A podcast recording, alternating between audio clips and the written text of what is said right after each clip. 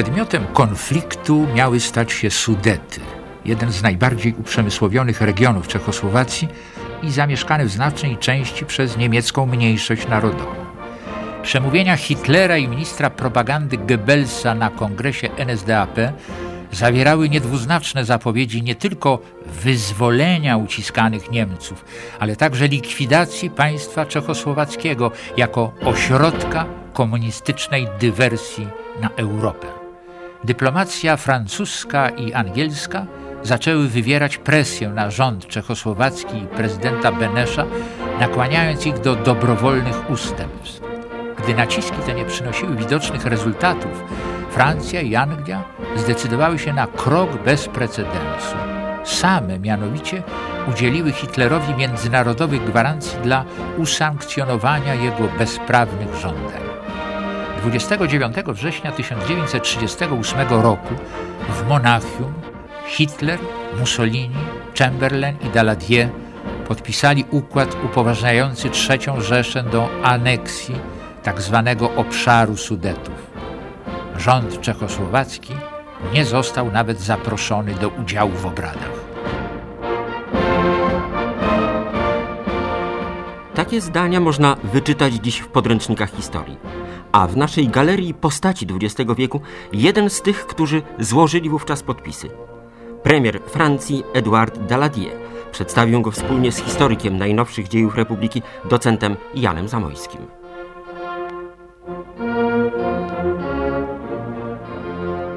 Od owego pamiętnego spotkania w Monachium mija dokładnie 60 lat. I chyba nie ulega zmianie nasz stosunek do tego, co tam się wtedy stało. No niewątpliwie. Monachium było ukoronowaniem w jakiejś mierze polityki tak zwanego appeasement, tego upokojowienia, czy jak tam powiedzieć to Hitlera, prowadzonej na przestrzeni kilku lat, powiedzmy 37, 38, 39 przez Wielką Brytanię i Francję ale jednocześnie było wynikiem pewnej moralnej degeneracji, bo tak to chyba trzeba określić, elit francuskich, zarówno wojskowych, jak i politycznych. Z tym, że nie pogrążajmy tych polityków do końca. Przecież podpisując owe układy monachijskie, nie zdawali sobie sprawy, ani nie przewidywali, że wkrótce Niemcy wkroczą do Pragi. Oni praktycznie sprzedawali Czechosłowację. Wiadomo było, że Czechosłowacja bez Sudetów, bez umocnień na granicy jest bezbronna. Na pewno nie zdawali sobie sprawy i sądzili, że Hitler, jak to Chamberlain później określił, jest dżentelmenem, który dotrzymuje swoich słów. Okazało się po wkroczeniu do Pragi w marcu 1939 roku, że człowiek, którego no, chciano przynajmniej uważać za dżentelmena, nie dotrzymuje słów. W tej sytuacji dopiero nastąpiła radykalna zmiana w postawie Wielkiej Brytanii, no, której konsekwencją była i gwarancja dla Polski, i później wypowiedzenie wojny Niemcom przed Francją, nawet właściwie na kilka godzin, można powiedzieć, we wrześniu 1939 roku. Ale były raporty, zresztą Francuzi Daladier miał te raporty, które wyraźnie mówiły o tym, że dla Hitlera Monachium było olbrzymią zachętą dla dalszych, śmiałych, bezwzględnych kroków, dlatego że uważał, że kapitulacja brytyjska, bo tak on to określał, i francuska w Monachium jest dowodem strachu tych ludzi, niezdolności do oporu przeciwko jego żądaniom. Jedynym punktem dla Hitlera stwarzającym pewne niebezpieczeństwo była Polska. Tak to w tym raporcie było określane, że w związku z tym pierwszym zadaniem będzie eliminacja Polski i że Francja po tym, co zrobiła w Monachium, nie zdecyduje się na wystąpienie w obronie Polski. Taka jest ocena sytuacji ze strony niemieckiej, tylko że niestety w dużej mierze ta ocena była prawidłowa. No właśnie, powiedział pan o swoistym dekadentyzmie politycznym, przede wszystkim Francji.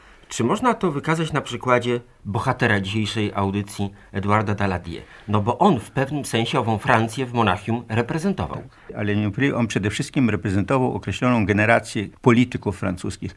Profesor Duracell, historyk i politolog, niesłychanie krytycznie oceniał tak zwaną klasę polityczną francuską III Republiki jako ludzi absolutnie niekompetentnych, niezdolnych i jednym z nich jest Daladier. On był typowym, niesłychanie charakterystycznym przedstawicielem tej klasy politycznej i tego nurtu politycznego, który był decydujący właściwie przez całe dwudziestolecie międzywojenne, to znaczy radykałów, względnie jak oni się nazywali, radykałów społecznych, radykal socjalist.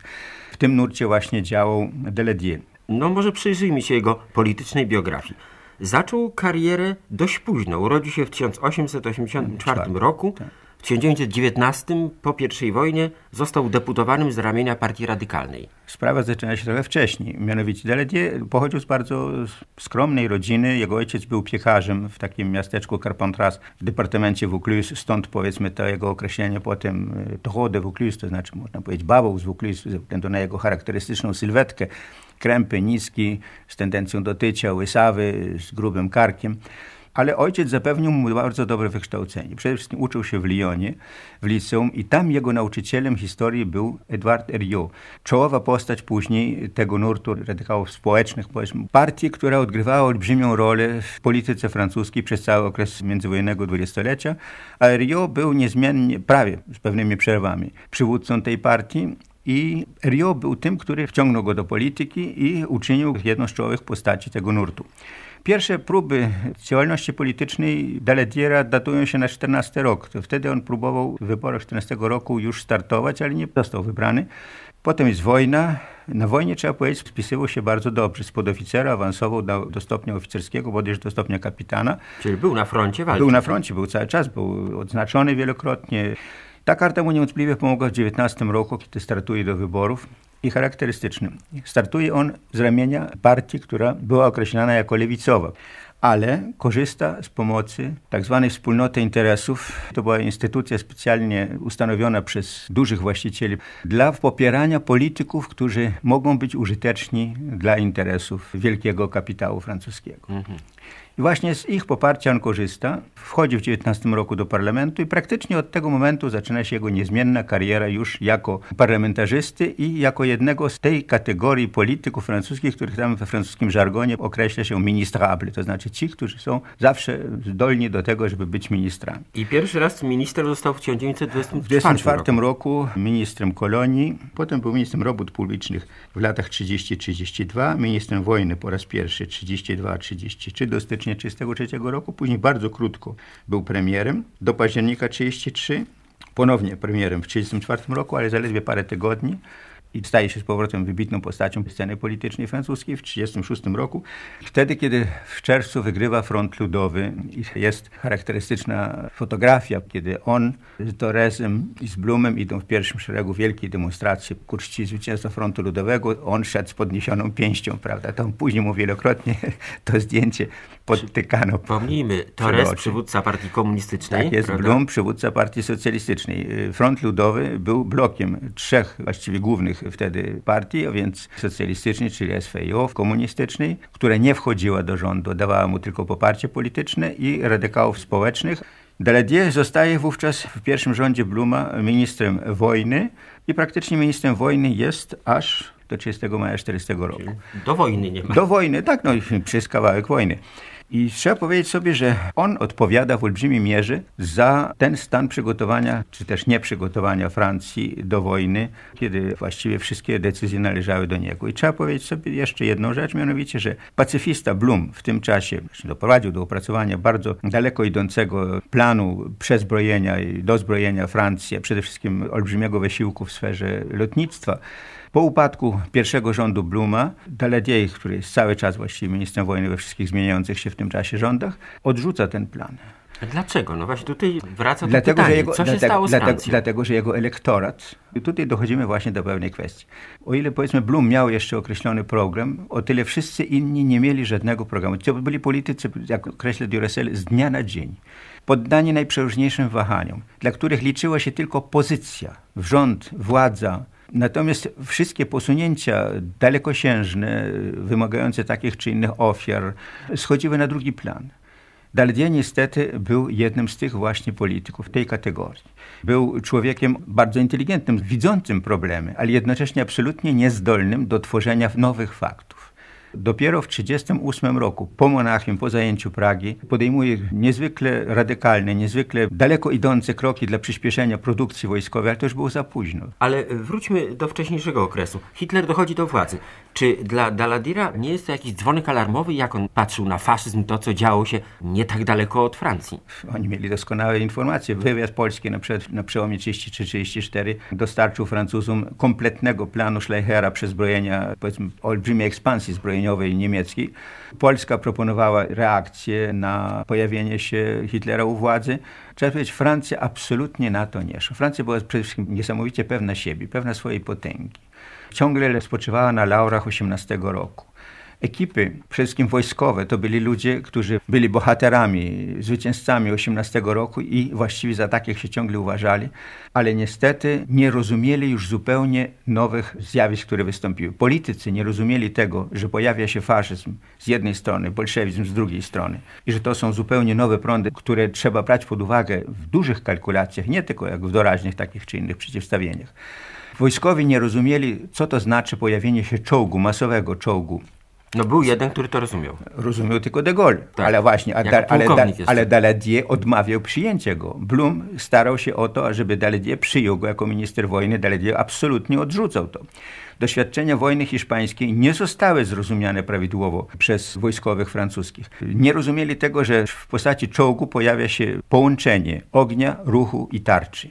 Tak samo jak nie rozumieli rzeczywistej roli lotnictwa, chociaż mieli doświadczenia z I wojny światowej, które mogli powiedzmy sobie odpowiednio wykorzystać, tak jak wykorzystali to Niemcy, nie rozumieli tego, że wojna przenosi się w trzeci wymiar.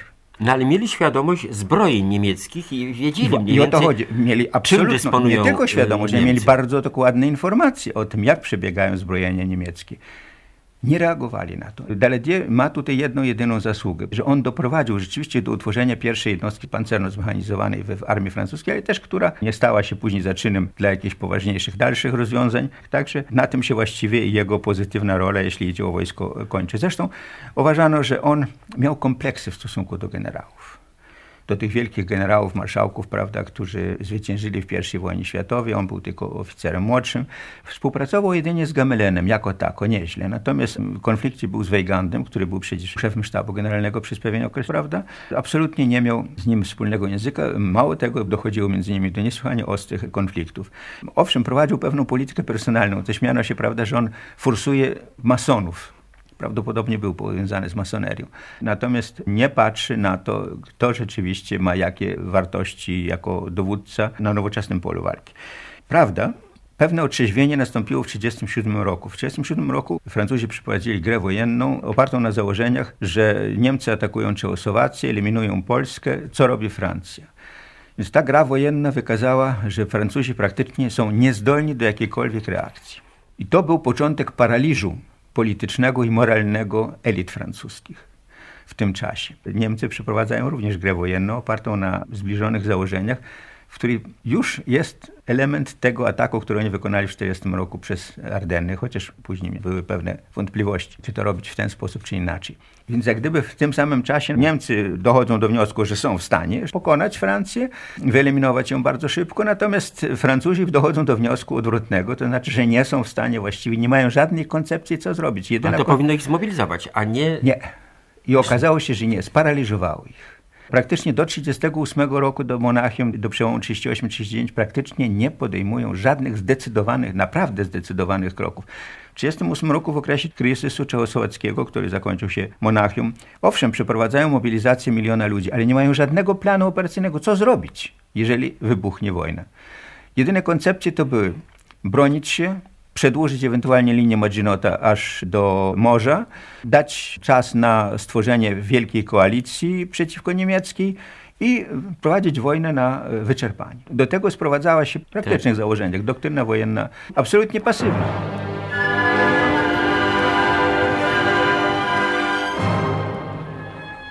Znamy więc lepiej ówczesne realia i punkty widzenia stron.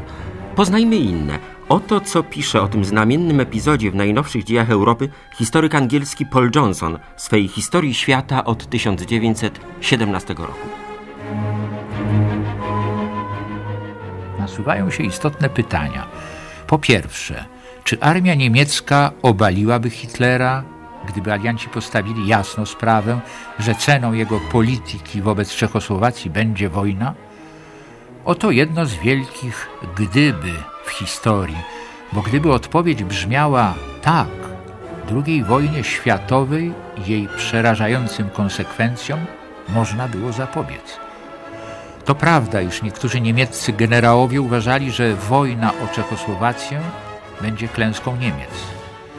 Na zebraniu zwołanym przez Brajszica w lipcu 1938 roku wyrazili zgodną opinię, że społeczeństwo niemieckie jest przeciwne wojnie, a armia niemiecka nadal zbyt słaba, by pokonać mocarstwa. Szef sztabu Ludwig Beck powiedział dyplomacie Elwaldowi von Kleist-Schwenzin, który wyjeżdżał do Wielkiej Brytanii, przywieź mi pewny dowód, że Anglia przystąpi do wojny, jeśli Czechosłowacja zostanie zaatakowana, a ja skończę z tym reżimem. 15 sierpnia Hitler zapewnił swych generałów, że dopóki Chamberlain i Daladier są u władzy, alianci nie wypowiedzą wojny. Lęk przed komunizmem doprowadził go do władzy i umożliwiał mu utrzymanie się przy niej. Chamberlain nie był jeszcze pewien, czy Hitler stanowi totalne zagrożenie, ale nie miał tych wątpliwości co do Stalina.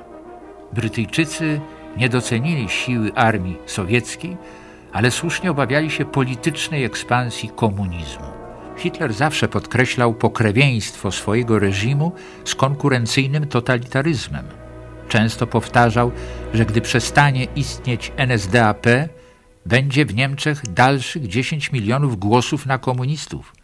Utrzymywał, iż alternatywą dla jego rządów nie jest liberalna demokracja, ale kolektywizm na wzór sowiecki. Ten argument przemawiał zwłaszcza do Chamberlaina. Kiedy 26 września, bezpośrednio przed Monachium, generał Gamelin naszkicował bardziej optymistyczny obraz siły aliantów i rozważano możliwość obalenia Hitlera, Chamberlain zapytał, kto nam zagwarantuje, że Niemcy nie staną się później bolszewickie? Oczywiście nikt nie mógł dać takiej rękojmy. Daladier przyjął analogiczny punkt widzenia. Kozacy będą rządzili Europą. Tak więc ci dwaj, jak sądzili, wybrali mniejsze zło.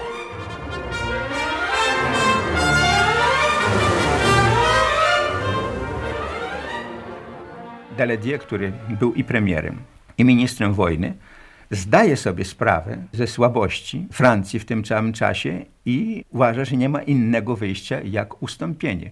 Zresztą to jest bardzo charakterystyczne. Kiedy wracał z tym układem monachijskim podpisanym i ląduje na lotnisku Le Bourget, był przekonany, że go tam spotkają krzyki, wyzwiska, prawda, i że w ogóle zlinczują go w drodze z lotniska do Paryża. Okazało się coś zupełnie innego. 500 tysięcy ludzi wyległo, witając go jak triumfatora, jak zwycięzcę bez mała, w olbrzymie uroczystości.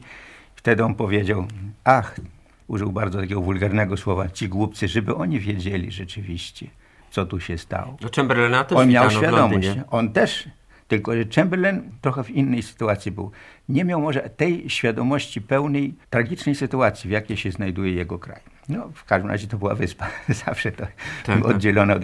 I jeszcze tutaj trzeba jedną rzecz, do tego paraliżu, y, powiedzmy sobie moralnego, politycznego Francuzów trzeba dorzucić pewną rzecz. Mianowicie y, Niemcy w 1938 roku z całą świadomością zaprosili elity wojskowe y, francuskie, przede wszystkim lotnicze, na taką wizytację fabryk, lotnisk. Osobiście Gering ich przyjmował i generał Villemin, dowódca lotnictwa francuskiego, składał później raport. Był przerażony po prostu i porażony tym, co zobaczył w Niemczech. Tą masową produkcją nowoczesnych samolotów Me-109, Me-110 mu nie pokazano. Messerschmitty. Messerschmittów, tak. I doszedł do wniosku, że Niemcy mają taką olbrzymią ilość samolotów plus włoskie samoloty, prawda, że właściwie Francuzi w ciągu kilku dni, raport jego mówił to, nasze lotnictwo w ciągu trzech dni zostanie absolutnie zdruzgotane i wyłączone z walki. I to był również ten element, który Niemcy świadomie zastosowali, powiedzmy, moralnego oddziaływania, zdając sobie sprawę zresztą ze stanu Że tam ducha walki nie ma, że tak, nie ma za wielkiego ducha walki. Także trzeba jeszcze pogrąć. I rzeczywiście to uzyskali. Do tego trzeba dorzucić jeszcze olbrzymią kampanię we Francji, którą prowadził Otto Abetz, późniejszy przedstawiciel niemiecki w okresie okupacji we Francji, tworząc organizację France-Allemagne, czyli Niemcy-Francja i prowadząc olbrzymią akcję propagandową na rzecz zbliżenia francusko-niemieckiego i uzyskiwał tutaj bardzo wielkie rezultaty. Nawet utworzono we Francji Arbeitsfront niemiecki, prawda, dla pracowników. Trzeba powiedzieć, że tutaj na przykład Bonnet odegrał niesłychanie ujemną rolę, minister spraw zagranicznych Francji, dlatego, że bronił dziennikarzy niemieckich, których oskarżano wprost o szpiegostwo i żądano wydalenia ich e, z Francji lub uwięzienia. Bonnet ich bronił, prawda, wszelkimi sposobami, zresztą starając się załagodzić ambasadora niemieckiego Welczeka w tym czasie. Tak wyglądała sytuacja, więc Francja była rozbrojona moralnie, wojskowo, politycznie i to było tym gruntem, na którym mogło dojść do układu monarchijskiego w 1938 roku. Tak, wydarzenia biegły szybko. Mamy 39 rok, atak niemiecki na Polskę, który staje się równoznaczny z wybuchem II wojny światowej, bo oto 3 września i Anglia i Francja wypowiadają wojnę. Daladier musi wykonać ten gest, bo wie, że to jest gest. Daladier musi wykonać ten gest pod dużym naciskiem zresztą Anglików i z olbrzymimi oporami ze strony Boneta, z pewnymi próbami ze strony Watykanu i Mussoliniego stworzenia czegoś w rodzaju nowego monachium. Do tego nowego Monachium nie dochodzi. To znaczy chodziło jeszcze o pertraktację. Chodziło tak? jeszcze Czy o pertraktację, chodziło jeszcze o jakieś powiedzmy próby załagodzenia sytuacji, naturalnie kosztem Polski, kosztem ustępstw polskich, korytarza, Gdańska, czy tak. być może jeszcze więcej. W każdym bądź razie do tego nie dochodzi. Francja jest, trzeba powiedzieć sobie wprost, zmuszona do wypowiedzenia wojny. Charakterystyczne, że kiedy w marcu 1940 roku parlament odwołuje Daladier z premierostwa, powierzając je Reynodowi, Daladier występując w obronie swojej polityki, oskarżano go o to, że podjął wojnę, kiedy Francja jest nieprzygotowana i właściwie niepotrzebnie podejmuje tę wojnę. Daladier odpowiada z emfazą, że wszelkie oskarżenia mnie o to, że myśmy wypowiedzieli wojnę pod wpływem romantycznych pobudek w stosunku do Polski, charakterystyczne prawda, określenie, nie odpowiadają prawdzie. Myśmy musieli wypowiedzieć wojnę, dlatego żeśmy już mieli pełną świadomość, że nasza kolejka przyszła tour a venu, prawda, jak Francuzi mówią, nasza kolejka już przyszła. No tak, ale jednocześnie 12 września, to jest bardzo chyba ważna data, tak. chociaż nie wszędzie zauważana, w Abbeville tak. doszło do spotkania właśnie premierów Francji i Wielkiej, Wielkiej Brytanii. Brytanii, a także dowódców wojskowych, tak. gdzie zapadła decyzja w największej tajemnicy, że nie będzie pomocy militarnej. Właściwie tego rodzaju decyzja była już grubo wcześniej. W kwietniu 1939 roku jest konferencja francusko-brytyjska, na której zapada decyzja, ponieważ zdawano sobie z tego sprawę, że pierwsze uderzenie pójdzie na Polskę, że o losach Polski zadecyduje nie pierwsza kampania, nie początek wojny, a zadecyduje o tym ostateczny wynik wojny. A więc to faktycznie już określało losy Polski i powiedzmy miejsce, jakie Polsce przyznawano w tym czasie w ewentualnym aliansie trójprzymierzu, powiedzmy brytyjsko-francusko-polskim. Mimo to w maju, kiedy minister spraw wojskowych Kasprzycki jest swoją delegacją e, we Francji dla uzgodnienia zasad współpracy na wypadek wojny, Daladier daje polecenie Gamelinowi rassurer les Polonais, znaczy uspokoić, dać im poczucie pewności. Obiecuje się wobec tego Polsce przysłanie iluś tam eskadr samolotów, jednostek pancernych, atak na 15 dzień po mobilizacji itd., tak itd.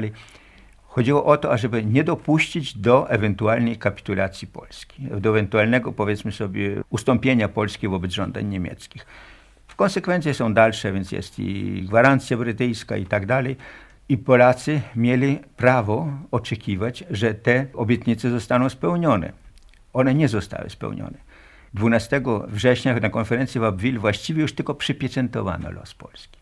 Uznano, że wszelka pomoc dla Polski jest już absolutnie niemożliwa i nieskuteczna, wobec tego spisano Polskę na stratę, że tak powiem. Po 17 września to już była sprawa No po 17 oczywista. września już było oczywiste. Nasz ambasador Łukasiewicz był później uznawany tylko jako za nieszczęsnika, który chodzi tylko po gabinetach i narzeka, a praktycznie jest człowiekiem skończonym i niepotrzebnym.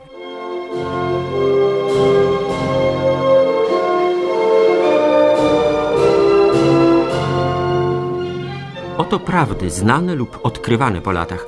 Wówczas 3 września 1939 roku, a więc w trzecim dniu wojny, minister Józef Beck przemawiał przez radio, tuż po wypowiedzeniu wojny Niemcom przez Anglię i Francję. Jakże gorzko brzmią dziś jego słowa, gdy wiemy już wszystko o rzeczywistych zamysłach sojuszników.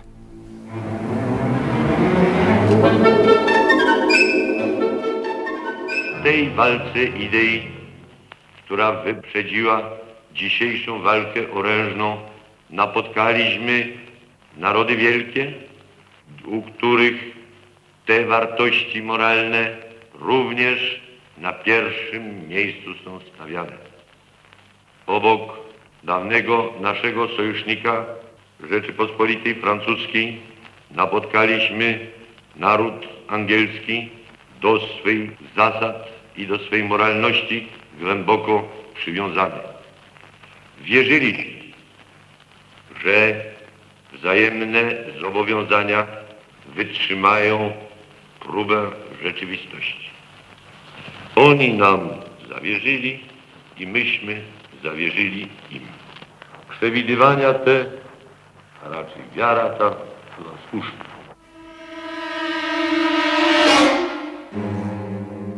Tak, wróćmy do Daladiera i jego bogatej biografii politycznej, chociaż już teraz w jak największym skrócie.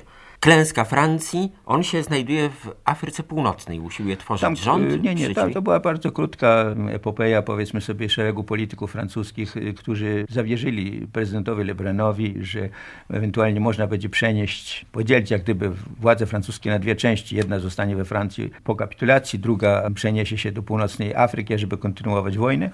Ale z tego nic nie wyszło i większość polityków y, francuskich, tych, których określano jako tak belicista, więc ci wojowniczy, prawda, w różnych terminach, ale aresztowano jesienią 40 roku, osadzono ich w Riom i potem odbył się proces, który miał być procesem winnych za wypowiedzenie wojny Niemcom. Praktycznie okazało się, że ten proces stał się procesem za nieprzygotowanie Francji do wojny, Ale zaraz, kto stawiał ich przed sądem? Y, Petain. Petain, Marszałek czyli- Petain, który w Vichy w 40 roku, w lipcu 40 roku przejął władzę absolutną, że tak powiem, we Francji, Francji nieokupowanej przede wszystkim, ale z pewnymi również prerogatywami w stosunku do północnej Francji okupowanej przez Niemcy. Postawił ich przed sądem i ten proces trwał prawie dwa lata, do 1942 roku. W 1942 roku na wiosnę został przerwany na żądanie zresztą w dużej mierze niemieckiej, dlatego że on się przekształcił w proces idący w dwóch kierunkach. Pierwszy, za nieprzygotowanie Francji do wojny, nie tyle za wypowiedzenie, ile za nieprzygotowanie Francji do wojny, to jest raz, a później obrócił się przeciwko wojskowym w dużej mierze, w tym również przeciwko Petenowi. Dlatego, że wszystkie dokumenty, dowody uderzały w wojskowych, którzy nie potrafili przygotować rzeczywiście i podjąć odpowiednich decyzji dla przygotowania Francji do wojny. I w związku z tym na żądanie niemieckie, zresztą w dużej mierze i na własną decyzję Petena, dla którego ten tok procesu był niewygodny, Proces wstrzymano, osadzono uwięzionych, a to byli Daladier, Reynaud, Georges Mandel, Blum i szereg innych postaci forcie na Burasopu w Portale. I później w 1943 roku Niemcy, większość z nich zabrali do Niemiec, osadzili w obozach koncentracyjnych, ale na prawach tak zwanych prominent, w lepszych warunkach. Więc jest aż do 1945 roku. Jego osadzono później w Austrii i został wyzwolony w 1945 roku przez wojska alianckie. Wraca i właściwie to więzienie w jakiejś mierze jak gdyby przekreśliło jego odpowiedzialność za to wszystko, co się stało wcześniej. Albo I- okupił już winę. Oku- tak? Powiedzmy, no w każdym sensie. bądź razie w ten sposób to rozumiano. Y, Deledier wchodzi w skład Zgromadzenia Konstytucyjnego i jeszcze właściwie przez kilka lat do 50 bodajże 8 roku jest czynnym w życiu politycznym, ale naturalnie nie odgrywa już żadnej poważniejszej roli. Umiera w 70 roku, więc dosyć już w podeszłym wieku. Czy tłumaczył się kiedykolwiek ze swojej polityki, Yy, swoich Więc decyzji to jest, bardzo z lat charaktery- 30. to jest właśnie bardzo charakterystyczne. Mianowicie, Daladier nie pozostawił żadnych pamiętników. O ile Reynaud na przykład napisał aż trzy wersje, dosyć różne między sobą, prawda? Wszyscy główni właściwie bohaterowie tamtych czasów napisali swoje takie czy inne wspomnienia. Natomiast Daladier nie napisał nic. Ani w pracach historyków, ani też w własnych, jakiejś memoarystyce, no nie pozostawił zbyt wiele śladów.